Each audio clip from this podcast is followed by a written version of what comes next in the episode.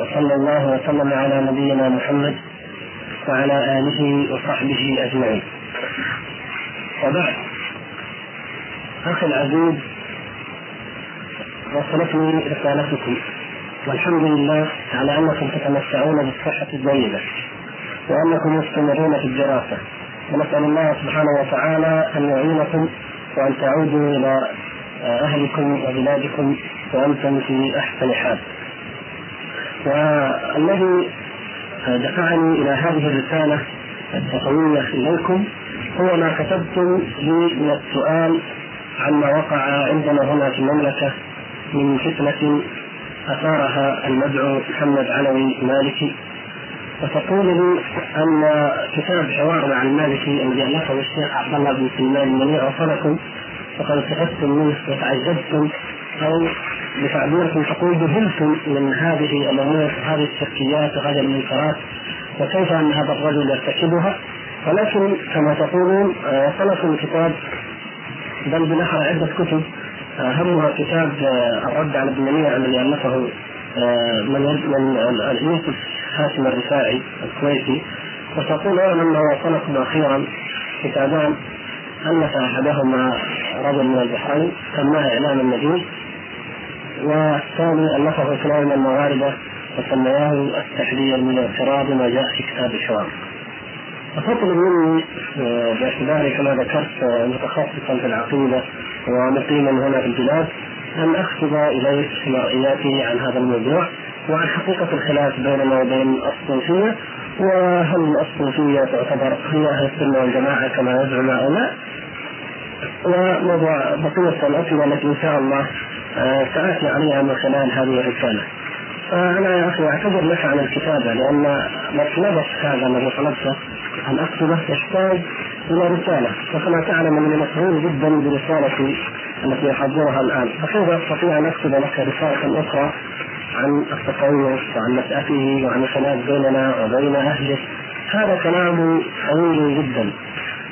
ونحن الآن يا أخي احوج ما نكون إلى المنهج العلمي التفصيلي الذي ينبني على الأدلة والذي يتثبت ولن ينقل من كتب هؤلاء القوم وتتبع أصول هذه الفرق جميعا ليرد عليها ردا علميا صحيحا سليما. وهذا يتطلب جهدا كبيرا.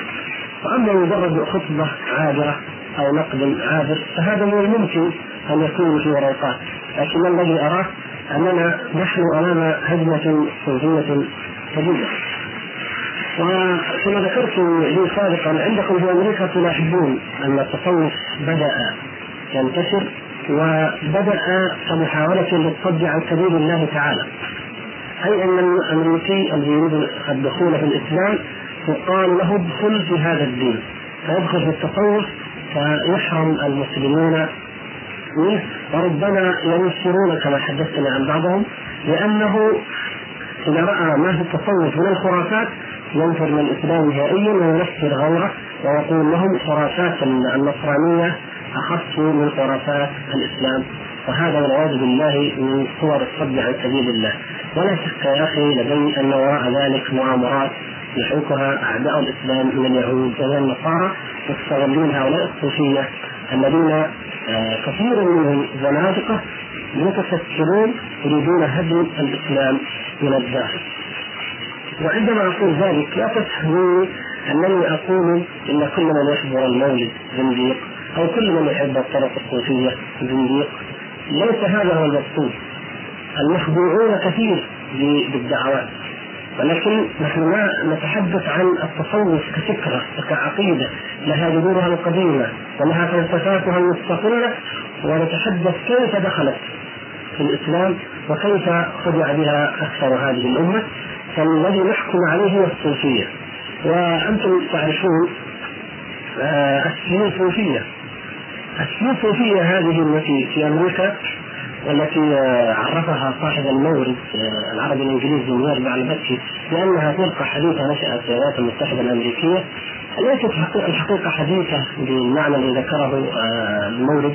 السيوصوفيه قديمة وساتحدث عنها إن شاء الله لك عندما نحدد موضوع نشأة التصوف. آه، لكن بخصوص سؤالكم أنت وزملائكم في المركز وبعض اخوانكم في الله في من المسلمين في أمريكا عن حقيقة ما جرى من هذه المشكلة وعن موقف هؤلاء الذين دافعوا عن آه، المالكي بخرافاته وهم انهم كثيرون كما تقولون.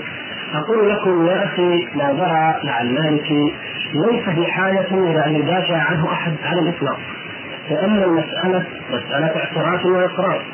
والاعتراف هو سيد الأدلة. هذه حقيقة معروفة. الاعتراف سيد الأدلة. فمحمد علوي ذلك اعترف هو بنفسه في لحظة أنه أمام الشيخ عبد الله بن حميد رحمه الله والشيخ عبد العزيز بن باز حفظه الله ورئيس الحرمين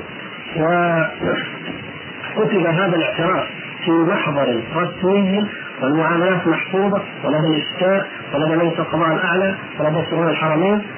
معاملات وصور وملفات في هذه القضية فيها اعتراف الرجل، الرجل معترف بأن ما بأن أنه ألف الذخائر، وعلى فكرة ليس هو الذي ألف الذخائر، لأن كتاب الذخائر عندي مذكور فيه يعني أنا الان افتح أمامي.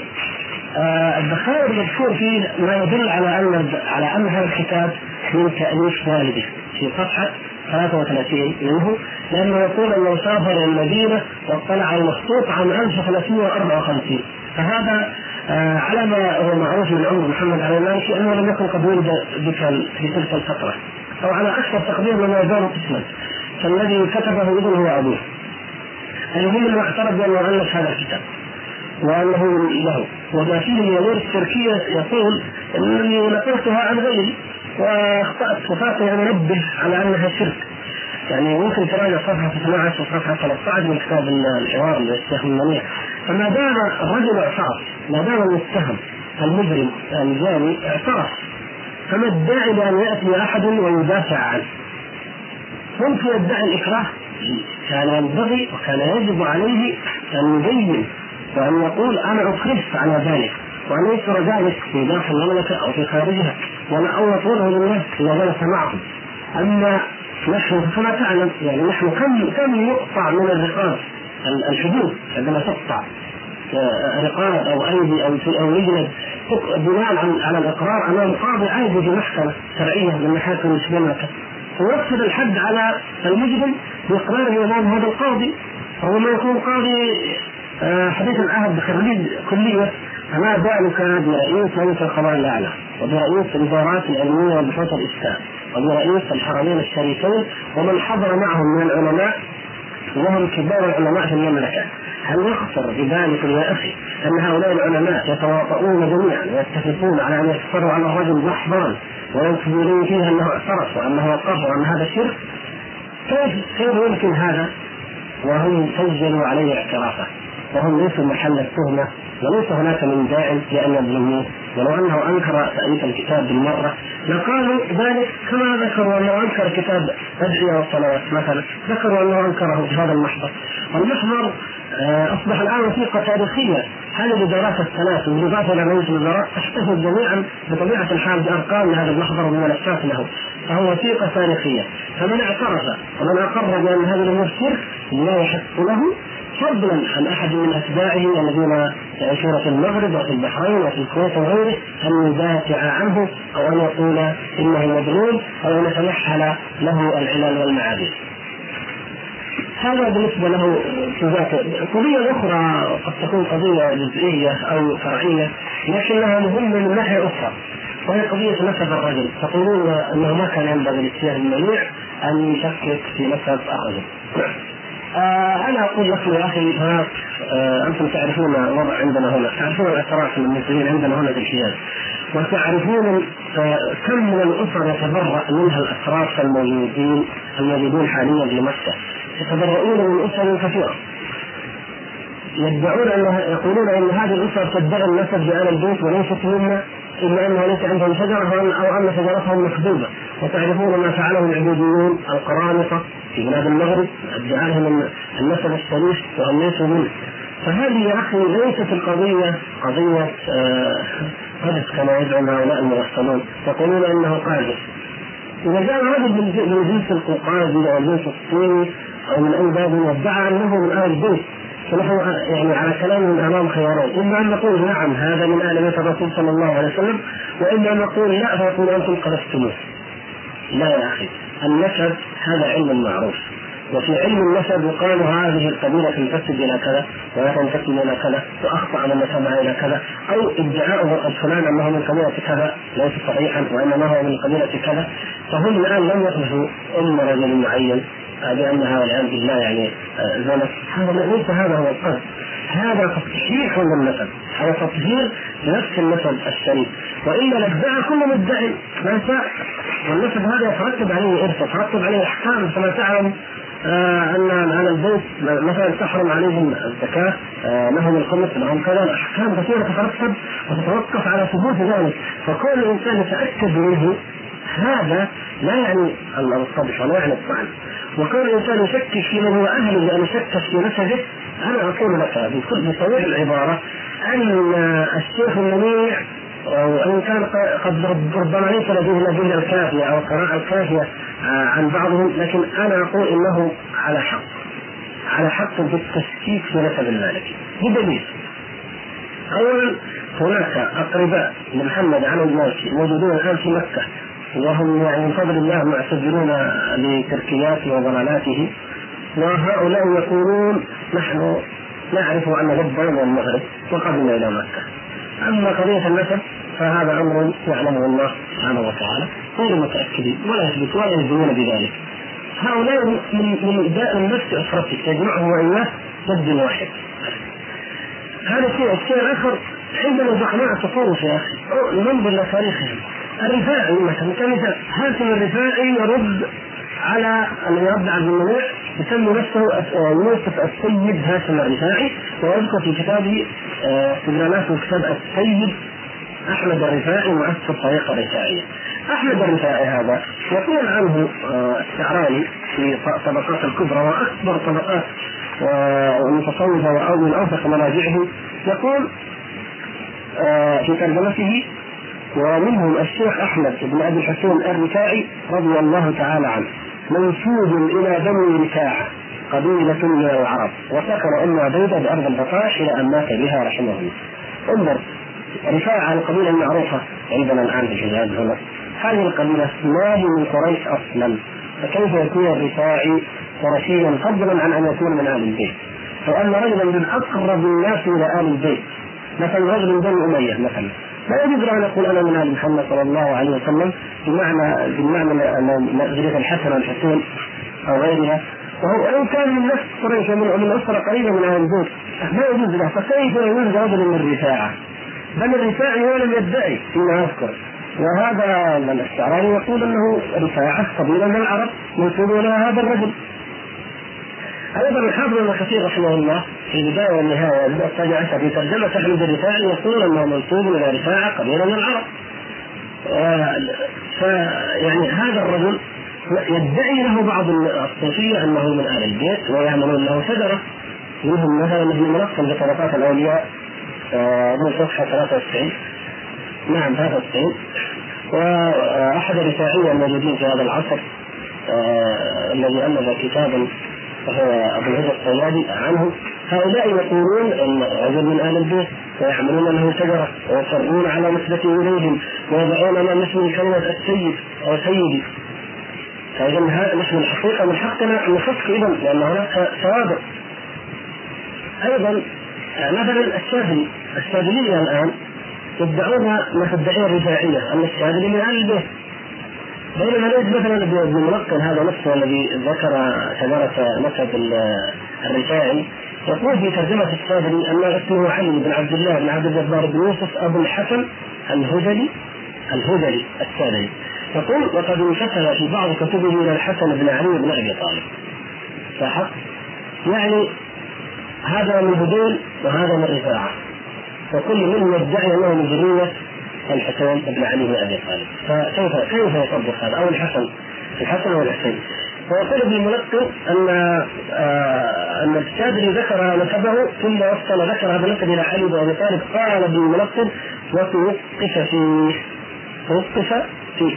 يعني لا نستطيع أن نجزم بأن الشاذلي أيضا من ذرية الحسن وإنما هو من هذيل فإذا كان هذا من رفاعة وهذا من هذيل فأين هاتان من قريش يا أخي؟ فضلا عن بني هاشم فضلا عن الحسن والحسين رضي الله عنهما.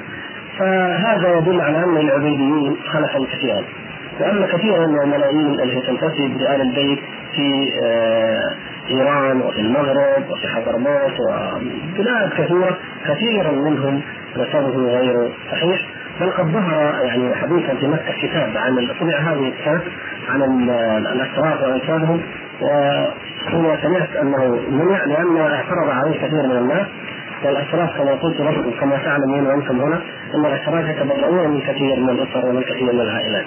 فعلى كل حال ما يتعلق بأن فلان ليس مصور صحيح أو غير صحيح ليس مستوثبا من القلب كما يفتري هؤلاء الدجالون وإلا لكان ابن ملقن نفسه قاهر وهو من ائمتهم وكتب في طبقاتهم ولكان الشعراني أول من قبض لأنه يقول أن أحمد الرفاعي من بني رفاعة القبيلة المعروفة وليس من أهل البيت. فليكن عندكم معلوما أن الصوفية يتفكرون بالنسب الشريف وأن هذه دعوه استفادوها من الشيعه. بل سنعرض إن شاء الله يعني عما طيب عندما احدثكم عن نشاه التصوف أن أصل التصوف آه هو التشيع، اول ما ولد التصوف في صفوف الشيعه. ولذلك نجد الصله بين التصوف وبين التشيع قوية جدا ونجد أن آه، كثيرا من الضلالات ومن الخرافات المشتركة بين الطائفتين خرافات مشتركه بالفعل ويجمع الطائفتين آه، دعوى الغلو هؤلاء غلوا في علي وهؤلاء غلوا في محمد الرسول صلى الله عليه وسلم. آه، أما قضية آه، رايي كما ذكرت ما رأيك في هذه الكتب وما رأيك في ردهم على الشيخ المنيع والعلماء في المملكة؟ فأنا يا أخي أقول لكم أن الشيخ المنيع جزاه الله خيرا العلماء الذين كتبوا. آه، كتاب الشيخ المنيع يعني بالذات الكتاب مركز على قضية المولد وأحب أن أقول أن القضية التي نختلف نحن والصوفية فيها ليست هي قضية المولد القضية أكبر من ذلك وأعظم. الصوفية ديانة قديمة معروفة لدى اليونان وهذا اليونان القدماء ديانة قديمة جاءت ودخلت وتعلقت في الإسلام باسم الزنادقة. الزنادقة هم الذين أدخلوها في الإسلام باسم التصوف أو باسم التعبد أو باسم الزهد. كما سنعرض إن شاء الله. فالخلاف ليس محصورا كما أراد الرفاعي وهذا البحرين والمغاربة ليس محصورا في تعظيم الرسول صلى الله عليه وسلم. كتاب الرفاعي من أول والاخر والاخر والثالث هذه الكتب تتحدث عن منزلة الرسول صلى الله عليه وسلم وعن عظمة الرسول صلى الله عليه وسلم وعن معجزات الرسول صلى الله عليه وسلم وعن خوارق الرسول صلى الله عليه وسلم إلى آخره. يقول بغض النظر عما احتوته هذه الكتب من الأباطيل ومن المتناقضات ومن الشركيات ليس الخلاف بيننا وبينهم في قضية الرسول صلى الله عليه وسلم أبدا. هذه جزئية. نعم هي إحدى الفروع الخلاف. إحدى المسائل التي تختلف إياهم فيها أنهم غلوا واستبقوا حتى شابه النصارى ونحن اقتصدنا وعظمنا رسول الله رسول الله صلى الله عليه وسلم بما عظمه الله به وبما صح في سنته وسيرته. ليس الموضوع هو أننا أنهم يحبون رسول الله صلى الله عليه وسلم أكثر منا كما يزعمون. الخلاف بيننا وبينهم ليس المولد وليس في كيفية الذكر في آه أنواع التوسل التي أطالوا وأطلبوا فيها في تفصيلها وليس في تعريف البدعة وأنها هل هي خمسة أنواع أو نوعين أو نوع واحد؟ لا يا أخي. الخلاف بيننا وبين الصوفية هو خلاف بين الإسلام وبين ديانة وثنية فلسفية قديمة. خلاف في الربوبية والألوهية فهي لله وحده أنه فيها شركاء كما يدعون.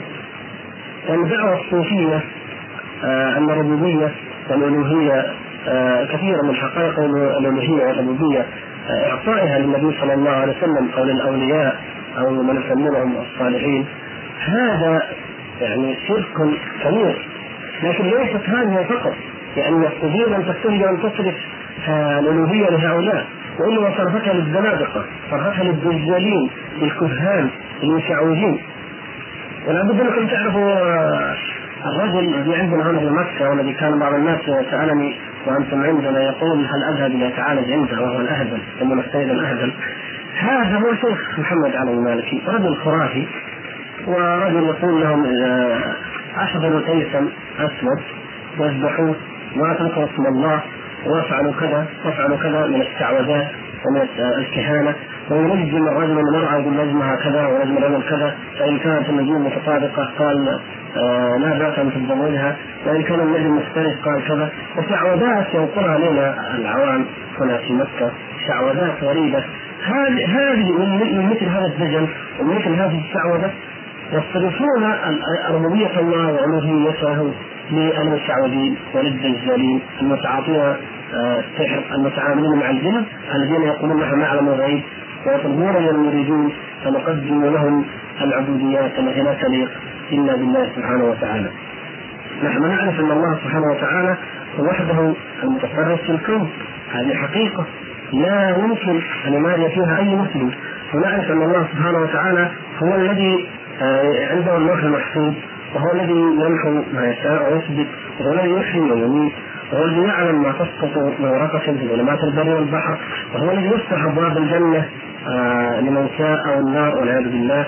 وهو الذي يسلب الإيمان من القلوب أو أو آه يضع فيها اليقين ولا أحد يملك ذلك غيره. فنحن آه نعتقد ذلك أنه سبحانه وتعالى هو الذي يغيث الملهوسين في الكربات وفي الظلمات ويعلم ما في سرائر القلوب وما تختلف به الخواطر إلى غير ذلك. لكن هؤلاء هم يؤمنون أو يقولون بأن من أوليائهم من يتصرف في الاكوان في حلقة الذكر الجيلانيه يقولون عبد القادر يا جيلاني يا متصرف في الاكوان اذا كان متصرف في الاكوان ماذا بقي لله سبحانه وتعالى؟ فسأنقل إليك أدلة كثيرة جدا جدا من كتاب الشعراني ومن كتبهم تدل على هذا الشرك الأكبر. آه، يذكرون أن هناك من يرى الله ومن يخصه الله في الدنيا ومن يكلمه ومن يقول له هذا حلال وهذا حرام. ويذكرون أن هناك من منهم من يستأذن جبريل قبل أن يبدي رأيه ياتي المريد يسأله فيقول آه انزلني حتى أستأذن جبريل. فيسال جبريل فيجيبه وهذا إن شاء الله ساذكر لك بعضهم. آه إن أمكن. بجزء الصفحة. آه يذكرون أن منهم من يمسك الشمس عن الغروب. يذكرون أن منهم من يعلم من أسرار القرآن ما لا يعلمه ملك مقرب ولا نبي مرسل.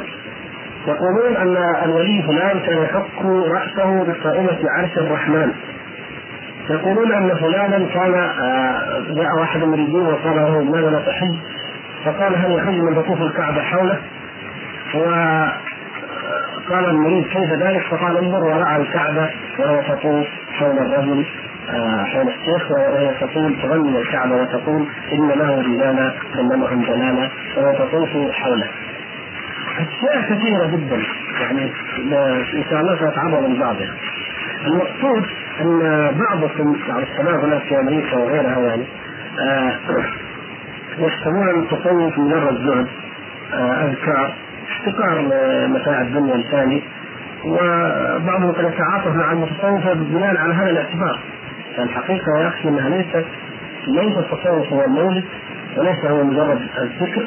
وليس هو آه الزهد كما يدعون وإنما الصوفية هي دين آخر في عالم آخر.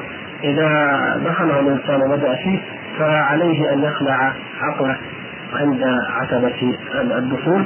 وهناك يدخل في عالم غريب عالم تخيل إليه أن عندما تقرأ في كتب طبقات ومجال تخيل لك تماما أنك تقرأ القصص الخرافيه هذه مثل سيد بن مثل عنترة مثل كتب الأسمار والأخبار وغير ذلك.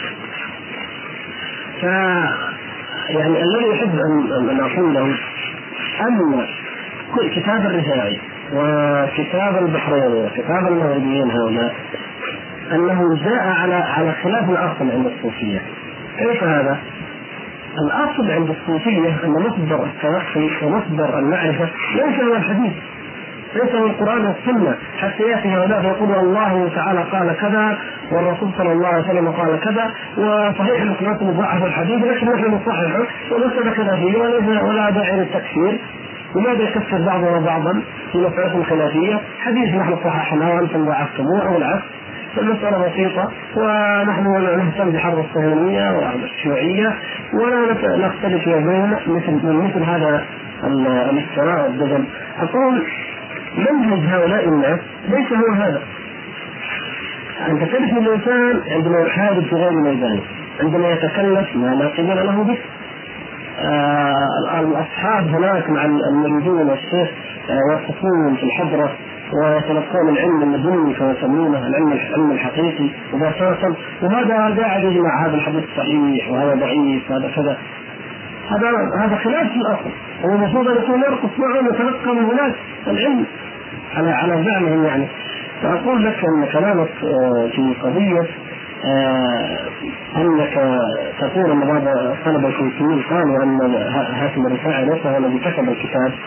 نعم الحقيقة أن معهم حق في ذلك لأن أسلوب الكتاب آه، يذكرني ببعض كتب كتبها اناس من المبتدعه وردوا بها على هذه السنة قبل 15 سنة أو نحو ذلك وبعضهم يعرف أنه موجود في الكويت فلا شك أن هناك تعاونا ومن أدلة التعاون هذا التضافر الموجود هذا من المغرب هذا من البحرين هذا من الكويت وكان واحد أيضا من مصر وواحد من اليمن يسمونه تخرج كما مذكور في هذا الكتب. أقول يعني انه ليس ليس هذا اسلوب الصوفية أصلا أن ياتوا إلى الحديث ويصححون ويضعفوه ليأخذوا منه الحقيقة وليأخذوا منه العلم. لا الحلاج إمامه المتقدم الذي قتل آه، بالزندقة بعد أن ثبت ذلك عنه ما كان يعتكف ويتعبد ويدعو الله عز وجل. فتنكشف له بعض الأشياء مثلا ويقول هذه هذا علم اطلعني الله عليه. لا. ذهب إلى الهند ورأى سحرة الهند يقف الواحد منهم على رأسه الأيام الطويلة بدون أكل ولا شرب ولا نوم.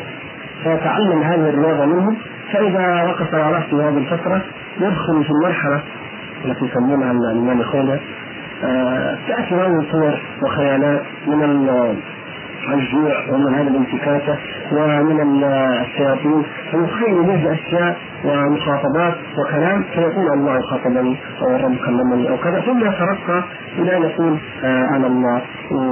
ما في الجبة إلا الله. أو سبحانه سبحانه. كما قال هو البسطام وغيرهم. ويقول كما هو ثابت من أبياته في ديوانه كفرت بدون الله والكفر واجب. والعياذ بالله.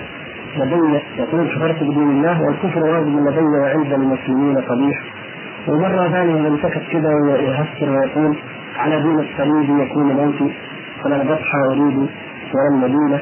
يعني يذكر أنه آه، صليبيا والعياذ بالله فنفس المواقع على الحلاج عندما يقول هذا الكلام يقوم علماء قام علماء أهل السنة فكفروه بناء على هذه الكفريات الشنيعه فقام المدافعون عنه مثل ما يقول الرفاعي يدافع عن المالكي وتأولوا بعد ان بعد أن عمل هذا العمل قاموا يتأولوا قالوا انتظروا لما تكفرون نحن نبحث لكم عن عندكم ادله وبعدين قالوا أيوه أبو نعيم بن حليه روى كذا.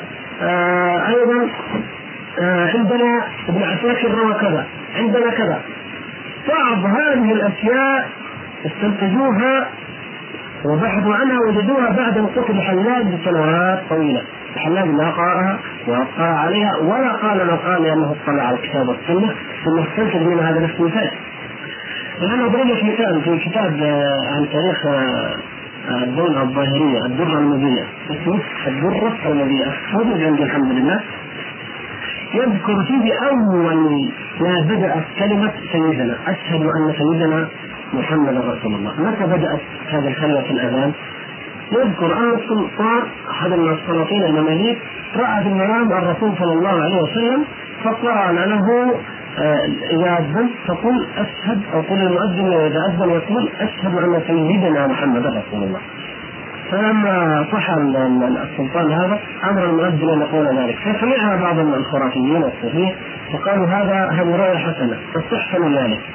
نحن الان في هذا العصر عندما نقول هذه الكلمة لا تضاف الاذان يقولون كيف لا تضاف عندنا احاديث صحيحه على أن الرسول صلى الله عليه وسلم سيد ولد آدم وأنه كذا وأنه كذا وأنه كذا وأنتم تنكرون سياده الرسول أنتم تكرهون الرسول أنتم تعلمون الرسول. فيهاجموننا بهذا الكلام. بينما أصل القضية لم يكن أنه قرر البخاري ومسلم وغيره حديث أحاديث السيادة وضعوها في الأذان. أصلها رؤية. فالصوفيه تعتمد في مصدر التلقي.